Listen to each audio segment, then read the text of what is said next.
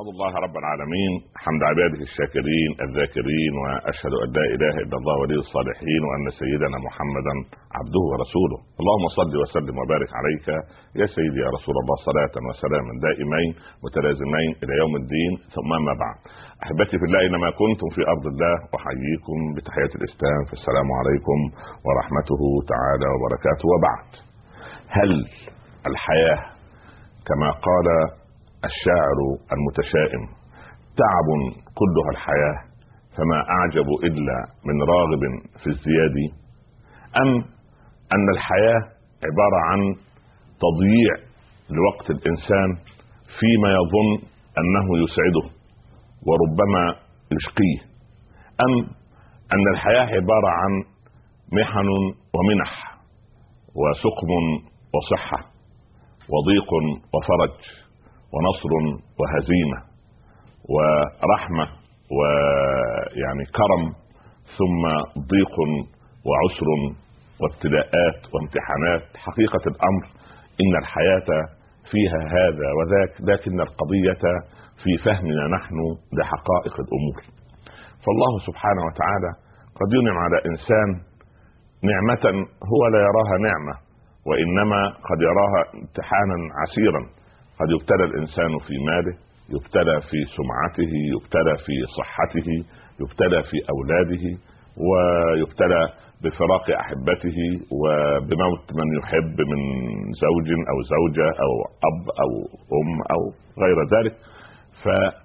فالحياه بهذا المنطق أو النظرة بهذا المنطق يراها الإنسان أنها صورة من صور الأسى والألم. لكن الله سبحانه وتعالى هو مصرف هذا الكون. وهو مدبره لأنه خالقه سبحانه وتعالى وهو الحكيم الخبير ألا يعلم من خلق وهو اللطيف الخبير. تعالوا نتعايش مع قصص القرآن. والقصص القرآني آه، كما هو القرآن كله لا يخلق على كثرة الرد. يعني لا يصير يعني قديما آه، يعني أو لا يصير يعني يعني آه، المعاني متكررة من كثرة الترداد بل بالعكس.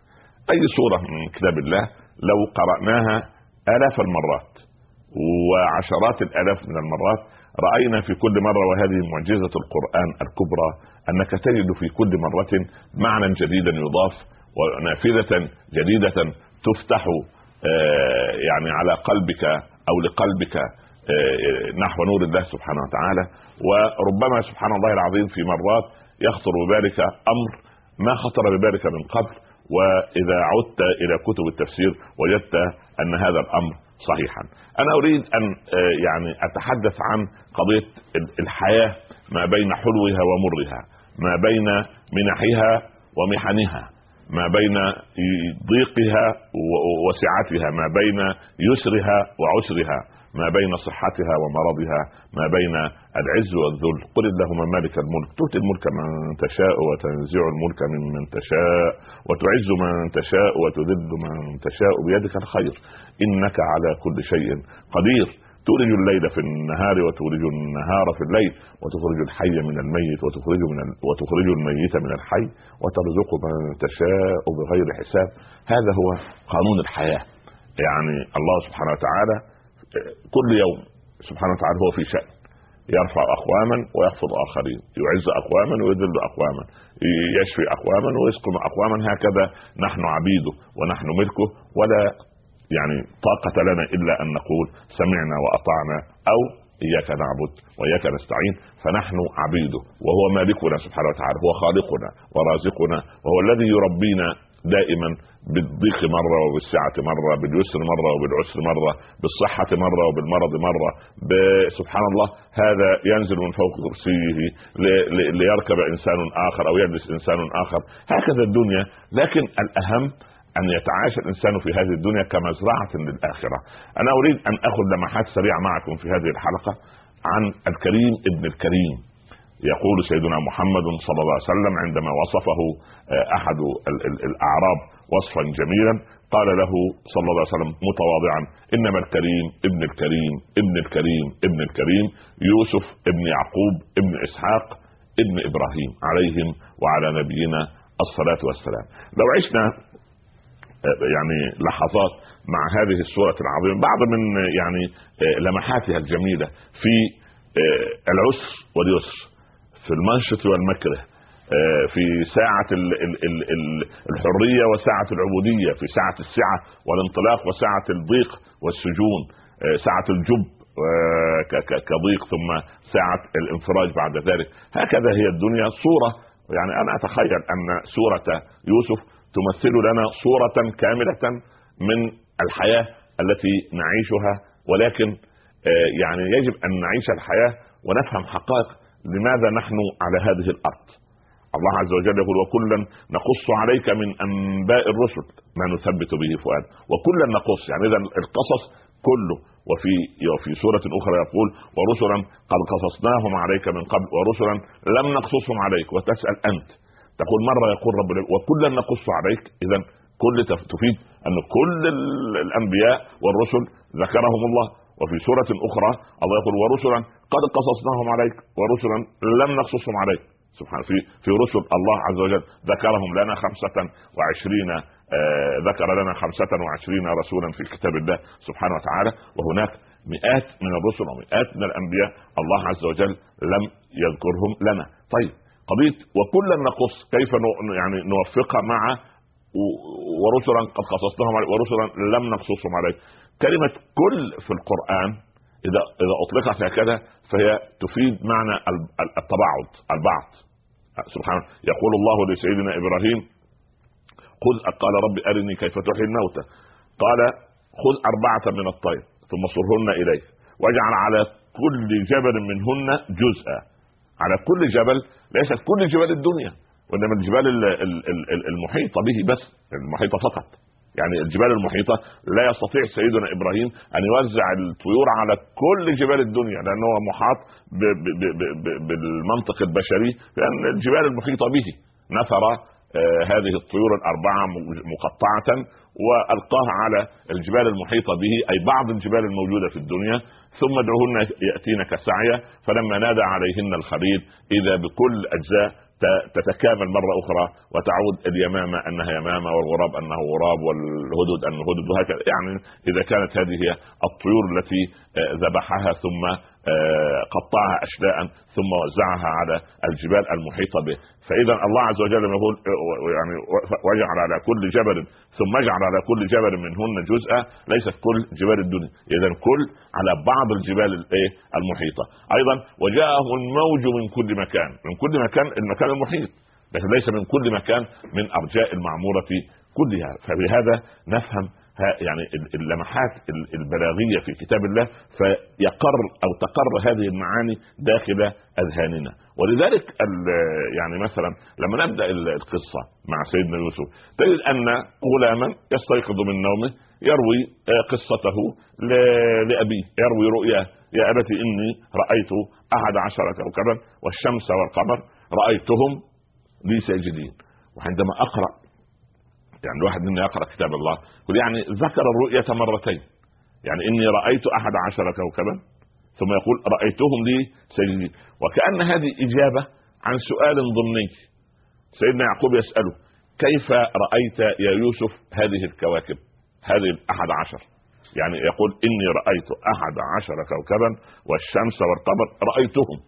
رأيتهم مرة أخرى. كأن كأن يعقوب عندما قص عليه القصة أو قص عليه الرؤيا عندما استيقظ منها آه، سيدنا يوسف إني رأيت أحد عشر كوكبا والشمس والقمر. فكأنما سيدنا يعقوب أبوه النبي الرسول يسأله كيف رأيتهم يا يوسف؟ يعني رأيتهم في حالة إضاءة في حالة انحسار في حالة خسوف في حالة آه، الغمامة أو السحاب قد غطاها. في حاله أنها بجوارك أنك تجلس عندها أو فوقها أو بهذا المنطق. يعني حالة الكيف كيفية الرؤية. فتكون الإجابة رأيتهم لي ساجدين. كأنما يقول كيف رأيتهم؟ رأيتهم لي ساجدين. هذه الحالة. وسبحان الله العظيم الإنسان يرى أن الحياة تدب في كل شيء. ف وكأن القصة القرآنية تحكي لنا أن كل المخلوقات في حالة عبودية لله. والسجود لا يكون إلا لعاقل. السجود لا يكون إلا لعاقل. ولكن يعني وان من شيء إلا يسبح بحمده. ولكن لا تفقهون تسبحه لا نفقه. كل قد علم صلاته وتسبيحه. وإلا ما فقه سيدنا سليمان كلام النملة. قالت نملة يا أيها النمل ادخلوا مساكنكم ليحطمنكم سليمان وجنوده وهم لا يشعرون. فتبسم ضاحكا من قولها. ولما أعلم الناس قال علمنا منطق الطير. ولما جاءه الهدهد وأبلغه أن وجئتك من سبأ بنبأ يقين. سبحان الله إذا كل هذا إذا الهدهد له لغة ال ال ال النملة لها لغة. سبحان الله العظيم. الكواكب المحيطة بنا لها حركة من حركات السجود لكن كيف؟ رأيتهم لي ساجدين لأن رب العباد سبحانه وتعالى يحدثنا بحقائق الأمور التي لا يفهمها العقل العقل المحدود. ولذلك لما نتواصل مع مع مع سورة آه، يوسف تجد أن الله عز وجل أمر السماوات والأرض ائتيا طوعا أو كرها. ماذا قالت السماوات والأرض؟ قالتا أتينا طائعين. اذا السماء والأرض تقول ولكن أنا لا أفهم. مثلا هذا القلم الذي في يدي هذا له هذا يسبح. ولكن لما سئل ابن مسعود ولما لا نسمع تسبيحها؟ قال لو سمعتم تسبيحها ما استفدتم منها. يعني أنا إذا إذا أردت أن أمسك القلم هذا واجد يحوقل مثلا يقول لا حول ولا قوة إلا بالله أو يهلل يقول لا إله إلا الله يعني مثلا أو يبسمل يقول بسم الله الرحمن مثلا يعني فاذا أنا لا أستفيد منه أو أو يستعيذ بالله من الشيطان الرجيم أو يستعيذ بالله مني أعوذ بالله منك يقول والله هذا الرجل يمسك يمسكني كثيرا مثلا يعني. فاذا لو سمعتم اولا ما استفدتم من هذا والأمر الأول. الأمر الثاني يصير الكون ضوضاء يصير الكون كله عبارة عن ضوضاء لأن الكرسي يسبح الذي اجلس عليه. هذه الطاولة التي اجلس عليها أو سبحان الله آه، أو المائدة التي نجلس لنأكل عليها. هذه الكاميرا التي تسجل هذه الجدران التي نجلس بينها. إذا سمعنا تسبيحها صار العالم كله ضوضاء واستطاع الإنسان أن يعيش فيها. يعني تخيل أنت الناس تشكو الآن من التلوث السمعي والتلوث سبحان الله الضوضاء وهذه الأمور كلها. سبحان الله العظيم. طيب. القرآن يتحدث عن بلوغ الأشد في سورة يوسف ويتحدث عن بلوغ الأشد بالنسبة لسيدنا موسى. سيدنا يوسف يقول ربنا ولما بلغ أشده آتيناه حكما وعلما. وسيدنا موسى يقول الله عنه ولما بلغ أشده واستوى. فرق سيدنا موسى عن سيدنا يوسف. أن سيدنا موسى واستوى. لأن سيدنا يوسف ولما بلغ أشده آتيناه. حكما وعلما. بلغ الأشد يعني إيه؟ يعني بلغ الأشد يعني في الخامسة عشرة السادسة عشرة الثامنة عشرة. حتى إن الآن الدول كلها في العالم لا تستطيع يعني لا تخرج رخصة قيادة مثلا للشاب أو للفتاة إلا في هذه السن. هذا بلوغ الأشد. والأحناف يرون في الحادية في الحادية والعشرين مثلا. لأن هذا سن النضج العقلي فهذا بلوغ الأشد. أما الاستواء أن يستوي يعني يكون أربعين سنة. لما بلغ أشده واستوى. سيدنا موسى لم تأتيه النبوة إلا في سن الأربعين كذلك سيدنا محمد صلى الله عليه وسلم. لكن سيدنا يوسف الكريم من الكريم له حالة خاصة. سوف يتعرض للفتن صغيرا. يعني سوف يتعرض للفتن قبل أن يبلغ الأشد. قبل أن يصل إلى الأربعين من عمره. عندئذ رب العباد سبحانه وتعالى من كرمه يقول ولما بلغ أشده آتيناه حكما وعلما. فالحكم والعلم جاء إلى الصديق يوسف عليه وعلى نبينا الصلاه والسلام قبل بلوغ سن الأربعين وإنما في سن الإيه؟ بداية الرشد في الثامنة عشرة في التاسعة عشر أقل من ذلك سبحان الله. لكن سيدنا موسى لم يتعرض للفتن كثيرا إلا فتنة القتل التي يعرفها الجميع وكان في سن الثلاثين. فإذا قضية البلوغ الأشد عندما نقرأ لماذا لم يذكر واستوى في سيدنا يوسف لأن سيدنا يوسف سوف تعرض له أو يعرض على الفتن قبل أن يبلغ هذا العمر. سبحان الله. طيب. نستقر مع سورة يوسف ونحن نأخذ كده يعني زهرات عاد فواحات من كتاب الله سبحانه وتعالى. الله عز وجل يقول في مرة وغلقت الأبواب. وبعدين يأتي في سيدنا يقول واستبقى الباب. مرة الأبواب ومرة الباب. هي صاحبة الدار. فتغلق الباب الرئيسي والباب الفرعي والباب الأبواب الفرعية فهنا عدة أبواب تغلق. أما هو لما أراد الهرب منها فإنما يقصد إيه؟ بابا واحدا. بابا واحدا سبحان الله. ولذلك أنا أقول لأبنائي وبناتي في سن أنا عارف أن اليوم آه، وهذه الأيام مشغولين بالامتحانات نسال الله أن يوفقهم جميعا ويهدئ البيوت ويرقق قلوب الممتحنين والمصححين عليهم ويجعل الأسئلة بردا وسلاما على قلوب. لكن بعد الامتحانات يتفرغ كثير من أبنائنا وبناتنا للإنترنت. والإنترنت شيء طيب إذا خدم الإنسان نفسه به عن طريق ال ال يعني زيادة ال الحصيلة العلمية، زيادة ال الحالة الثقافية، يطلع على آخر مواصل العالم عن الأدب، الشعر، القصص الجميل، تفسير القرآن، الأدب العالمي الإنساني الذي يثري حياة الإنسان، المخترعات العلمية إلى هذا، فالإنسان يجب أن يصنع ما صنع يوسف أن يهرب أبناؤنا من كل صفحة إنترنت تشجعه على الشر أو تشجعه على المعصية أو تأخذ بيده بعيدا عن حقائق الأمور أو بعيدا عن الاستقامة أو يراوده آه، يعني تراوده صفحات الانترنت كما راودت امرأة العزيز يوسف. فعندئذ يجب على الشاب أن يغلق والفتيات أن يغلق أن يغلقن أيضا هذا الباب الذي يذهب بهن بعيدا ويذهب بهم بعيدا عن جدة الطريق كما صنع سيدنا يوسف عليه وعلى نبينا الصلاة والسلام. فاستبق الباب سبحان الله. يعني إذا هو يريد أن يهرب من المكان الذي لا يريد فيه إلا أن يطيع رب العباد سبحانه وتعالى. ولكن للموضوع وللحديث بقيه كونوا معنا بعد الفاصل إن شاء الله رب العالمين. نكمل مع الكريم ابن الكريم سيدنا يوسف عليه وعلى نبينا الصلاة والسلام. أهلا بكم. مرحبا بكم أحبتي في الله مرة أخرى. ونحن نتحدث عن الكريم ابن الكريم ابن الكريم ابن الكريم يوسف ابن يعقوب ابن إسحاق ابن إبراهيم عليهم وعلى نبينا. الصلاة والسلام.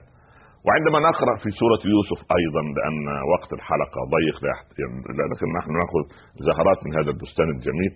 تقول امرأة العزيز لما جمعت آه، صويحباتها في القصر وقالت ليوسف قالت اخرج عليهن.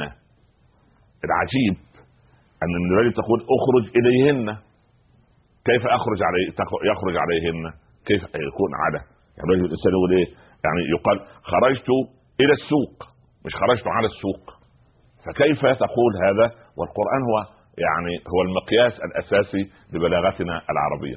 كلمة يعني الفعل يعد بعلى ليس فيه يعني أو ليس إلى نقول أخرج عليهن وليس أخرج إليهن. عندما يكون الخروج بقهر وغلبة أو بزينة وجمال يبقى كلمة أخرج لازم تأخذ إيه؟ تأخذ على. تعد إيه؟ كما يقول البلاغيون تعد بعلى. يعني اخرج علينا لما مثلا إيه يقول إيه خرج علينا في السفر خرج علينا في السفر قطاع طريق يبقى ده إيه؟ قهر وغلبة. طيب لما لما سيدنا يوسف خرج بما خرج؟ خرج إلى هؤلاء النسوة بجمال وزينة. فيبقى خرج عليهن لما الإنسان يخرج بجمال وزينة لازم ياخذ إيه فعل على إيه، حرف على وياخذ إيه؟ إلى. يعني الراجل بتقول خرج أنا خرجت إلى السوق. لا بقهر ولا بغلبة ولا بزينة ولا بجمال. لكن سيدنا يوسف خرج بجمال وزينة. فيخرج إيه؟ يخرج أعلى. طيب لما النساء رأينا يوسف ماذا ماذا قلنا؟ قلنا حاشا لله ما هذا بشرا. إن هذا إلا ملك كريم. والسؤال من منهن رأى الملك؟ من منا أصلا؟ كلنا في واقع الأمر نحن ما رأينا الملك. طب طب كيف يعني شبهنا يوسف بأنه ملاك من الملائكة. ملك من الملائكة. من أين أتينا بهذا التشبيه أنا أشبه إنسان بإنسان مثلا لو أن في إنسان شجاع أقول فلان أسد لأنني رأيت الأسد مثلا.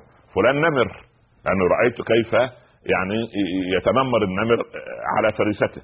آه، لكن لما لما أقول أن فلان ملك ما الذي جعل النسوة يذكرن هذا التعبير وهن ما رأينا ملكا من قبل؟ سبحان الله. فاولا رقم واحد أن الوصف وصف الملك معروف عند الناس. يبقى فلان زي الملاك الطاهر. فلان وجهه مضيء كالملك أو كالملاك سبحان الله العظيم. فهذا إيه؟ هذا هو الإيه؟ هذا هو الأمر الأول. الأمر الأساسي أن قر في النفوس وطباعها النفوس نفسها في داخلها قر فيها محبة صفات الملك وذم صفات الشيطان. بمعنى إيه؟ بمعنى أن واحد لما يقول مثلا إيه؟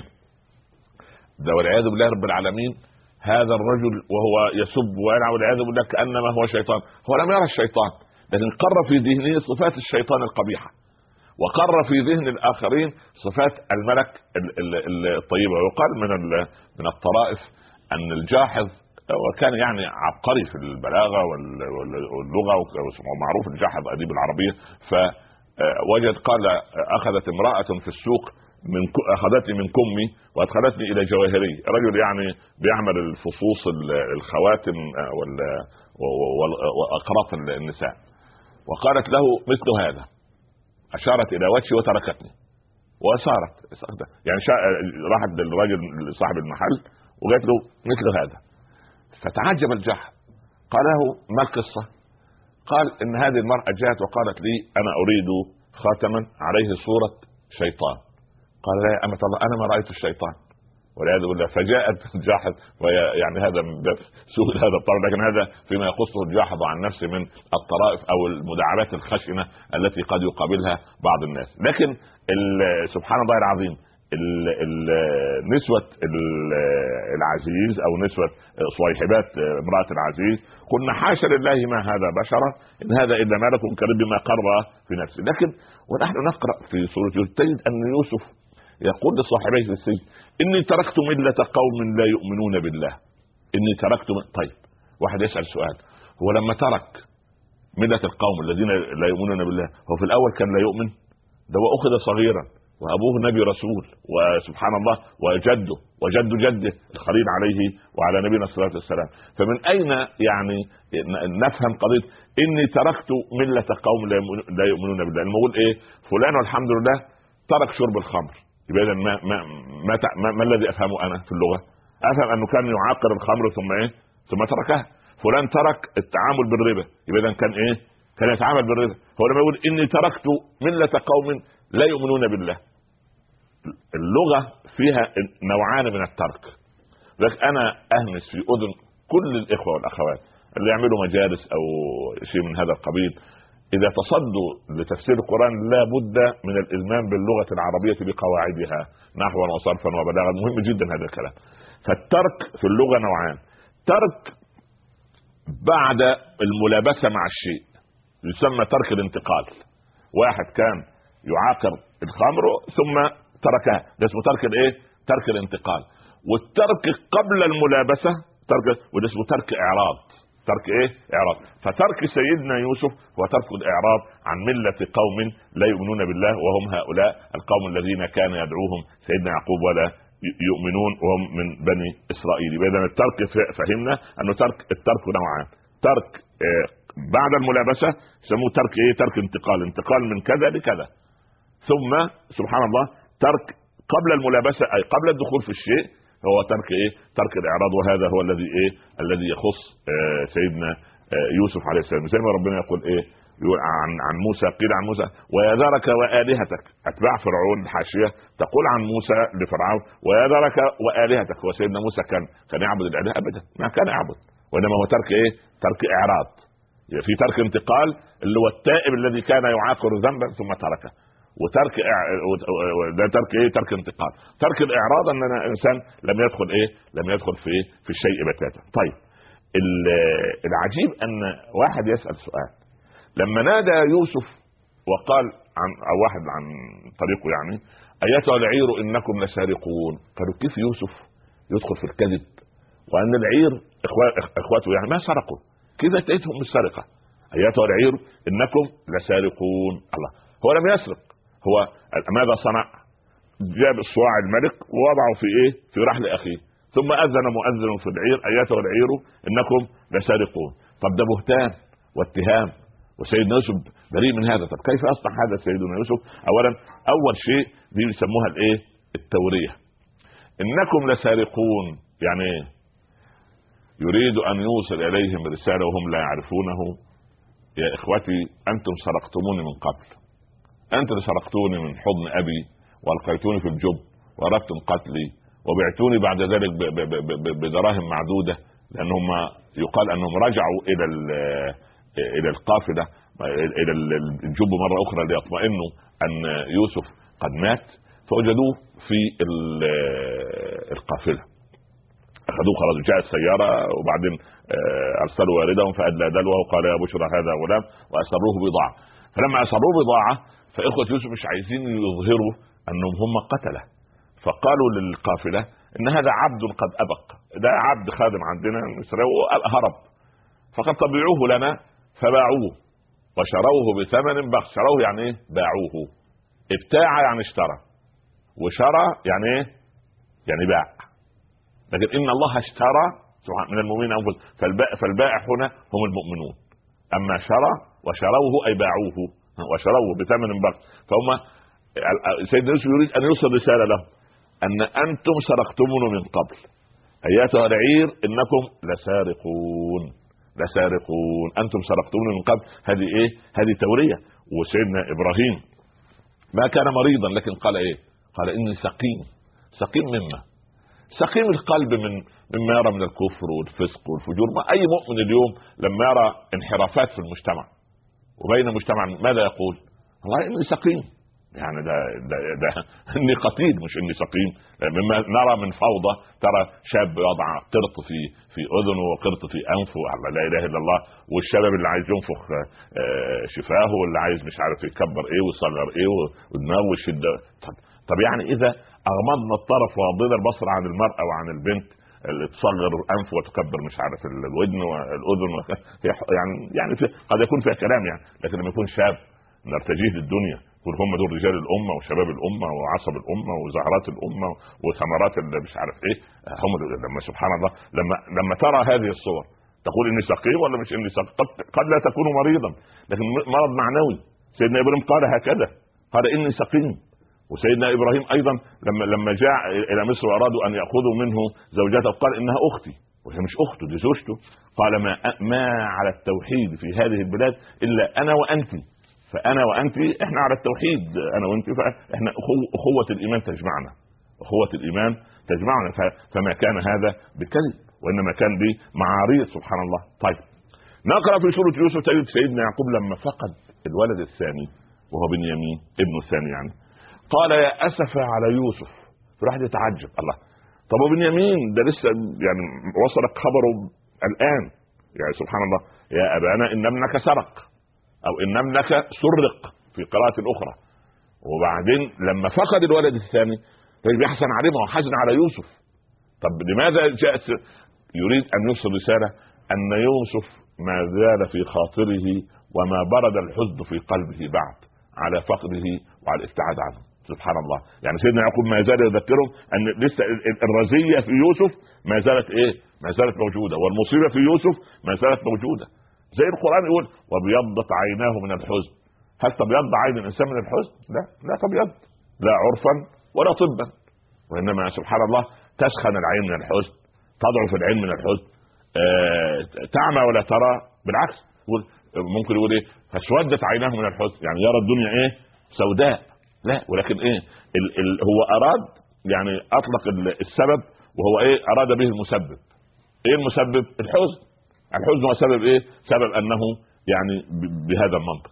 ولذلك لما نجد عظمة القرآن لما طلعوا على العرش صعدوا وخروا له سجدا وقال يا ابت هذا تفسير الرؤيا من قبل. يقول ان أن سيدنا يوسف يقول, يقول لأبوه إيه؟ يقول لأبيه يعني وقد أحسن بي اذ أخرجني من السجن. الله تخرج من السجن طب في مصيبة أخرى يوسف لم تذكرها لم يقل أخرجني من الجب وانما قال أخرجني من الإيه؟ من السجن. اولا من الذين سجدوا له ودخلوا في طوعيته احتراما؟ إخوته. فأراد بعد أن العتاب انتهى سبحان الله وأن هو ليس في قلبه لا تثريب عليكم اليوم شيء فأراد الا يحرج إخوته فقال يعني فلم يذكر الجب لأن ذكر الجب من الذي من الذين ألقوه في الجب؟ إخوته. فبالتالي هو لا يريد أن يذكر الجب. لماذا؟ لأن لا يريد إدخال الحرج على إخوته هذا هو الامر الأول. طيب. الأمر الثاني مع أن يعني السجن قد يكون اهون من الجب الجب ما في وسيلة. فلم يريد أن يوبخ إيه؟ إخوته. دي نمرة واحد. وبعدين فترة السجن كانت أطول. ولكن طبعا اخرج اخرجني من السجن انه مكث في السجن إيه؟ بضع سنين. الأمر الثالث وهو المهم. خروجه من السجن خرج إلى عز وملك ووزارة. خروجه من الجب خرج إلى ذل وعبودية وبيع. سبحان الله. فذكر الشيء الإيه؟ المحبب إلى النفس. لما خرج من السجن خرج إلى الإيه؟ إلى كرسي العرش. لما خرج من الجب خرج إلى إيه؟ بيع. وصار عبدا وصار بعد أن كان حرا صار مسجونا بعد أن كان طليقا. فسبحان الله العظيم فانظر إلى يعني كلمات القرآن وأنت تتواصل وترى المنحة وترى المحنة وترى العسر وترى اليسر. هذه قصة الإنسان. فأنت عندما تقرأ سورة يوسف وكذلك القرآن كله تعتبر في نفسك وترى إن بعد العسر يسرا. فأقول للذين يعانون شظف الحياة وضيق الحياة وآلام الحياة ومشاكل الحياة إن بعد العسر يسرا وإن بعد هذا الفاصل إن شاء الله كلاما فابقوا معي أهلا وسهلا مرحبا بكم أحبتي في الله مرة أخرى ونحن نتحدث عن لمحات طيبة آه، من الذكر العطر من كتاب الله من قصة سيدنا يوسف عليه وعلى نبينا الصلاة والسلام. هذه الحياة منحة ثم محنة. منحة أن يكون يوسف في حضن أبيه، محنة أن يبتعد يوسف عن حضن أبيه. منحة أن يكون حرا، محنة أن يكون عبدا، منحة أن يكون طليقا. محنة أن يكون داخل الجب ثم بعد ذلك منحة أن يكون في أرضه وبلده وقريته التي ربي فيها. محنة أن يكون بعيدا عن أرضه ووطنه. هناك لغة غير اللغة كلام غير الكلام ناس عالم غير العالم. ثم منحة أن يكون خارج السجن محنة أن يكون داخل السجن. ولكن العلماء الكبار يقولون أن الإنسان يعني سبحان الله العظيم إذا فهم ورزقه الله كما قال ابن عطاء إذا رزقت الفهم في المنع عاد المنع عين العطاء. يعني المشكلة التي يعني نتتبع قصة ابن يوسف في آخر القضية الله سبحانه وتعالى أوجده في مصر في هذا الوقت لأن كان العالم كله يعاني من مجاعة كبيرة وكان لابد لها من إدارة حازمة، إدارة اقتصادية عاقلة، إدارة يعني يعني يعني مطمئنة إلى الوحي الأعلى، فأدار يوسف هذه الأزمة إدارة عجيبة ووصل بالعالم إلى بر السلام وكان الناس يأتون من كل مكان وهو من أدبه يقول وجاء بكم من البدو. ما قال وجاء بكم من المجاعة. لم لم يرد أن يجرح إخوته، فيه ناس تختار الكلمات التي تجرح وفيه ناس تختار الكلمات التي تداوي. وهذه منح من الله. ففيه لسان يتقاطر شهدا وفي لسان أعزك الله نسأل الله السلامة. يعني في لسان سبحان الله الابتعاد عنه خير وفي لسان لا يتقاطر إلا بالخيرات والكلمات الطيبة. ولكن الإنسان لما يعود نفسه دائما الكلام الطيب.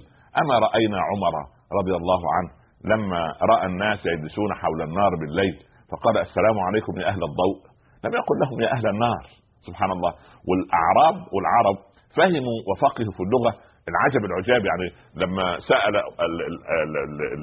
القبيلة بتسأل امرأة أعرابية بما ابى ابنك؟ ابنك لما رجع من السفر بما آب؟ قال ابى بك قالت ابى بكوثر.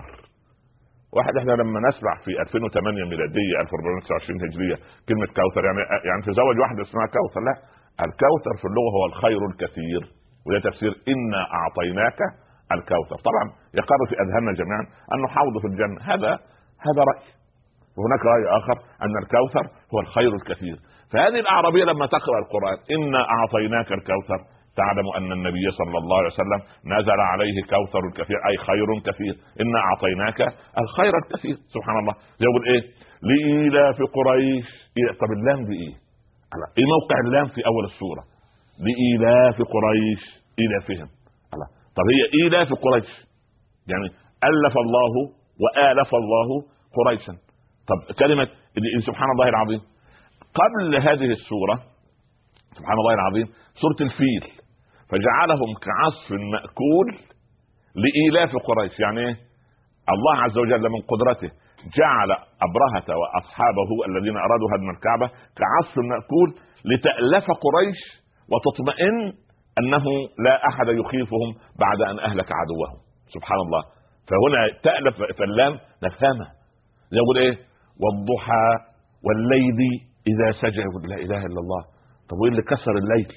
ده بنتكلم على العربية على الرفع. لا كأن الله يقول اقسم بالضحى وبالليل إذا سجع فهنا إيه؟ القدم كأنه محذوف. فالواحد لما يفهم زي ما ربنا نقرأ في القرآن. يقول والسابقون السابقون. أولئك المقربون طب السابقون السابقون في إيه؟ قال ما هو السابقون إلى طاعة الله في الدنيا هم السابقون إلى جنة الرضوان في الآخرة فإذا لما نقرأ القرآن بهذا المنطق الإنسان يفهم معاني كلام الله سبحانه وتعالى يعني سبحان الله السابقون السابقون أولئك المقربون أنا لما أتسابق إلى طاعة الله في الدنيا أسبق إلى الإيه؟ إلى الجنة يوم القيامة يا بلال ما رأيت ما دخلت الجنة قط مرة إلا وسمعت دبيبا عليك فيها فأخبرني ماذا تصنع؟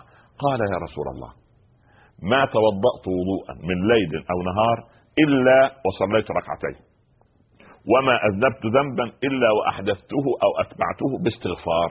قال عرفت فالزم يعني طالما أن هو رضي الله عنه ما من ذنب عمله الا يستغفر. سبحان الله. وبعدين ما يتوضا وضوء إلا إيه؟ إلا سبحان الله العظيم ما يعني يصلي به إلا أن يصلي به ركعتين تقربا إلى رب العباد سبحانه وتعالى. فان يعني أفضل الأعمال عند الله أن تصبح وتمسي ولسانك رطب بذكر الله. ولذلك لما لما تقرأ مثلا يطوف عليهم ولدان مخلدون. الله يقول ولدان مخلدون؟ طب أنتوا قلتوا لنا يا شيخ أن أهل الجنة كلهم مخلدون يا أهل الجنة خلود بلا موت لا مخلدون في حالتهم هذه على شكل الولدان. يعني يعني ما هو الولد بطبيعته لما يجيني في ذهني يقر في ذهني الولد الولد هذا بعد ما أصبح مولود له شهر عنده خمس سنوات وبعدين يصير فتى ويصير صبي وفتى وبعدين شاب وبعدين كهل وبعدين رجل وبعدين آه، كبير السن وبعدين مسن وبعدين أرذل العمر. فإذا متطور. فلما أسمع كلمة ولدان لا الله يطمئنك يقول ولدان مخلدون. مخلدون في إيه؟ على حالتهم هذه أي يظلون على شكل الإيه؟ الولدان. سبحان الله. من هم الولدان المخلدون؟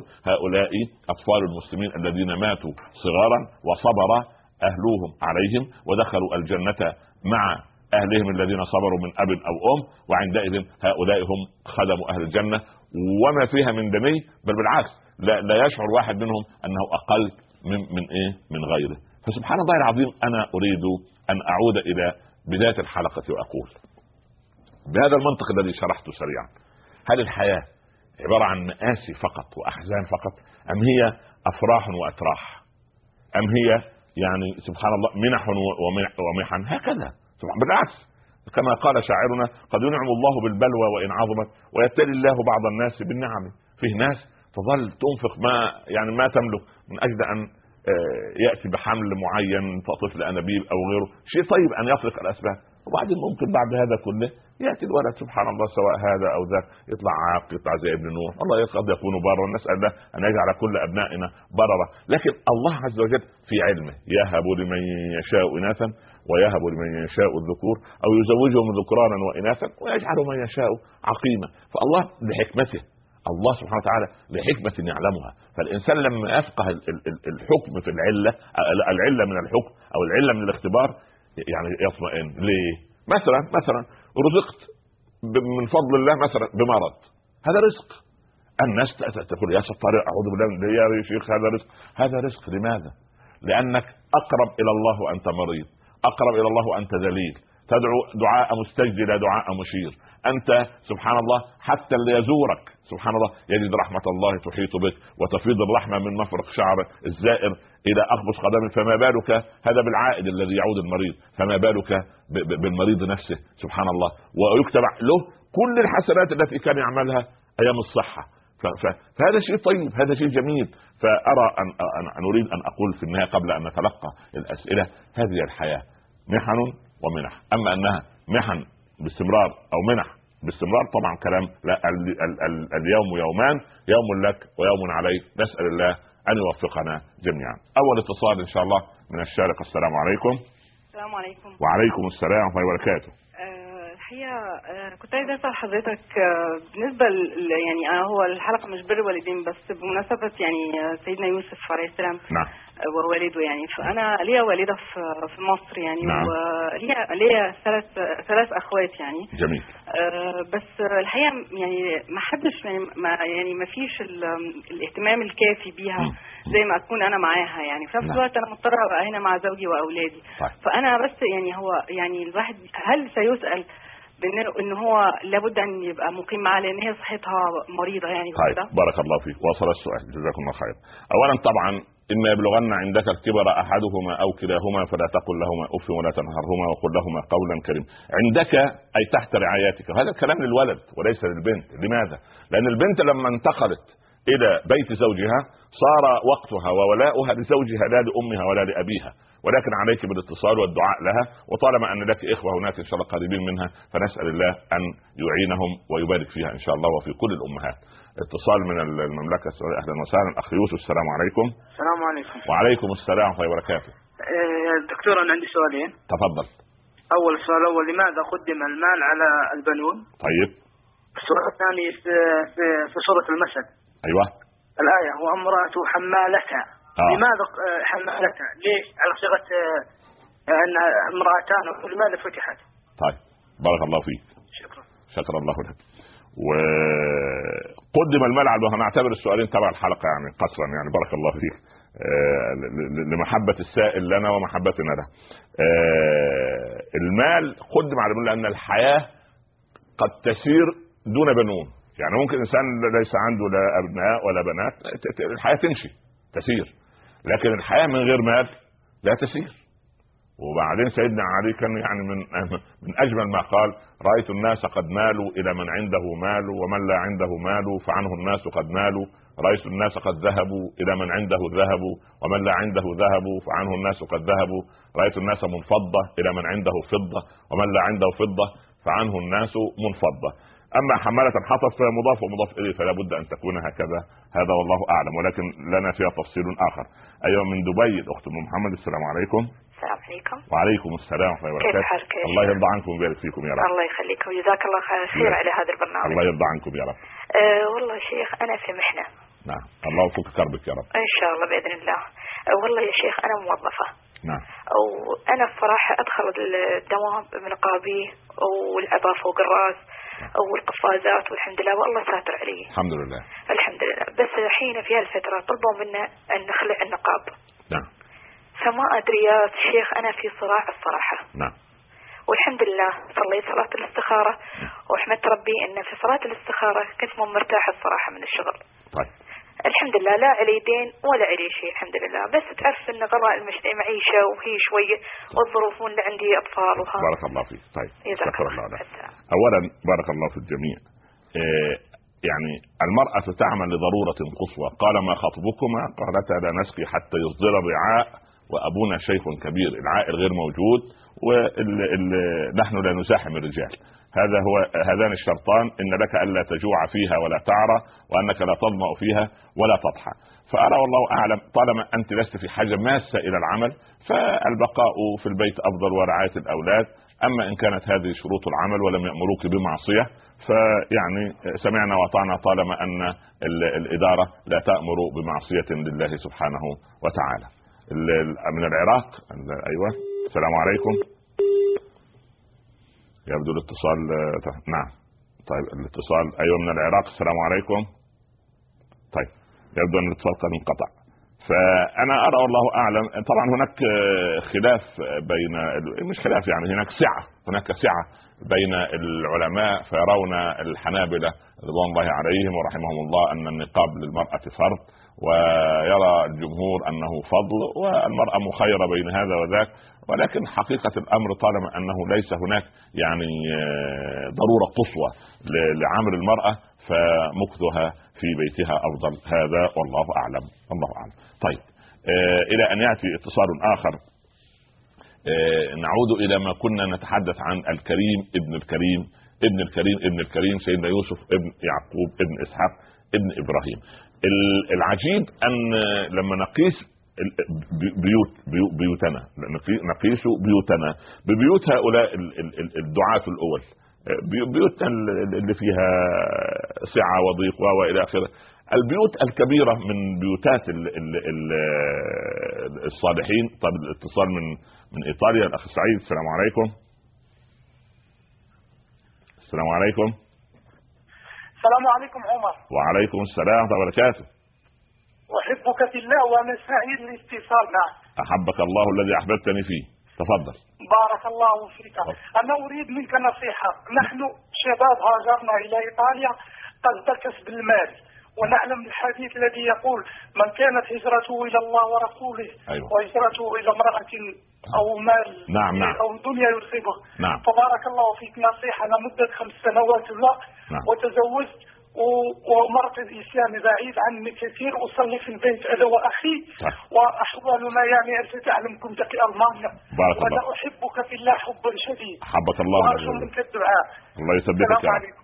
بارك الله فيك ولدنا سعيد اولا آه، أقول لسعيد وكل وكل سعيد يعيش في أوروبا وفي الغرب إن شاء الله يجعلكم سعداء في الدارين. أن آه، اولا أنتم على ثغرة من ثغور الإسلام. وأنتم يعني عدلوا النية أنكم هاجرتم آه، يعني سعة في الرزق وسعة في الحرية وأن تتواجدوا لتظهروا عظمة الإسلام وسماحة الإسلام بين آه، آه، إخواننا في الإنسانية في أوروبا. والقوم فيهم خيرات كثيرة ويريدون منكم قدوة حسنة ليس كلاما وليس محاضرات. يعني إحنا لو عملنا واحد زي العبد الفقير إلى عفو ربي أمثالي سبحان الله لو عمل 100 محاضرة ولا, هذا يؤثر. الذي يؤثر فعلك أنت سعيد واخوانك وأخواتك. المقيمين سواء في ايطاليا أو أوروبا أو في أي مكان من البلاد غير المسلمة. أنا أقول أن قدوتكم بحسن التعامل حسن الجوار أن تظهروا سماحة الإسلام عظمة الإسلام آه، نقاء الإسلام لا يعيش الواحد منكم آه، سنوات طويلة على على ال- الإعانة ال- ال- ال- الاجتماعية ولا يتهرب من ضرائب ولا وإنما يقرر القوم بما عندهم من قوانين وأنك أنك عندك عقد ضمني آه، وإن لم تكن وقعت عليه أنك تحسن إلى الناس كما احسنوا إليكم ووسعوا بلادهم لكم وأعطوكم أمنا وسلاما وسعة في الرزق. وعدلوا النية أنكم تقيمون لإقامة يعني آه، هذا الدين بين هذه البلاد. والله العالم اليوم في لحظة اختيارات كبيرة العالم كله في لحظة اختيارات ويريد العودة مرة أخرى إلى الاستقامة. وقد هزتني وسائل الإعلام الفرنسية منذ شهر عندما ذكرت قصة الرجل النمساوي الذي حبس آه، ابنته 25 سنة وأنجب منها أولاد. قالت ال- قال الإعلام الفرنسي إن الخلاص من مثل هذه المشاكل العجيبة العودة إلى الله مرة أخرى. العالم كله يريد أن يعود إلى الله. وأنتم يا سعيد وأمثالك سبحان الله أنتم تأخذون بأيدي هؤلاء بقدوتكم واستقامتكم وإظهار الإسلام فأنتم سفراؤنا في هذه البلاد. أن نسأل الله سبحانه وتعالى أن يتقبل منا ومنكم. اللهم اشفي كل مريض وارحم كل ميت. ووفق أبناءنا وبناتنا في الامتحانات واجعل البرد الأسئلة بردا وسلاما على قلوبهم ورقق قلوب الممتحنين والمصححين عليهم. لا تدع لنا ذنبا إلا غفرته ولا مريضا إلا شفيته ولا عسيرا إلا يسرته ولا كربا إلا أذهبته ولا هما إلا فريته ولا دينا إلا قضيته ولا ضانا إلا هديته ولا مسافرا إلا غانما سالما إلا لي إلا وقد رددته. اللهم ارزقنا قبل الموت توبة وهداية ولحظة الموت روحا وراحة وبعد الموت إكراما ومغفرة ونعيما. أكرمنا ولا تهنا أعطنا ولا تحرمنا زدنا ولا تنقصنا. لا تؤاخذنا بما فعل السفهاء منا. أغننا بالافتقار إليك ولا تفقرنا بالاستغناء عنك. وصلى الله على سيدنا محمد وآله وصحبه وسلم تسليما كثيرا. شكر الله لكم وسعدت بكم ولا تنسوني من صالح الدعاء. ونستودعكم الله الذي لا تضيع ودائعه والسلام عليكم ورحمة الله تعالى وبركاته. بسم الله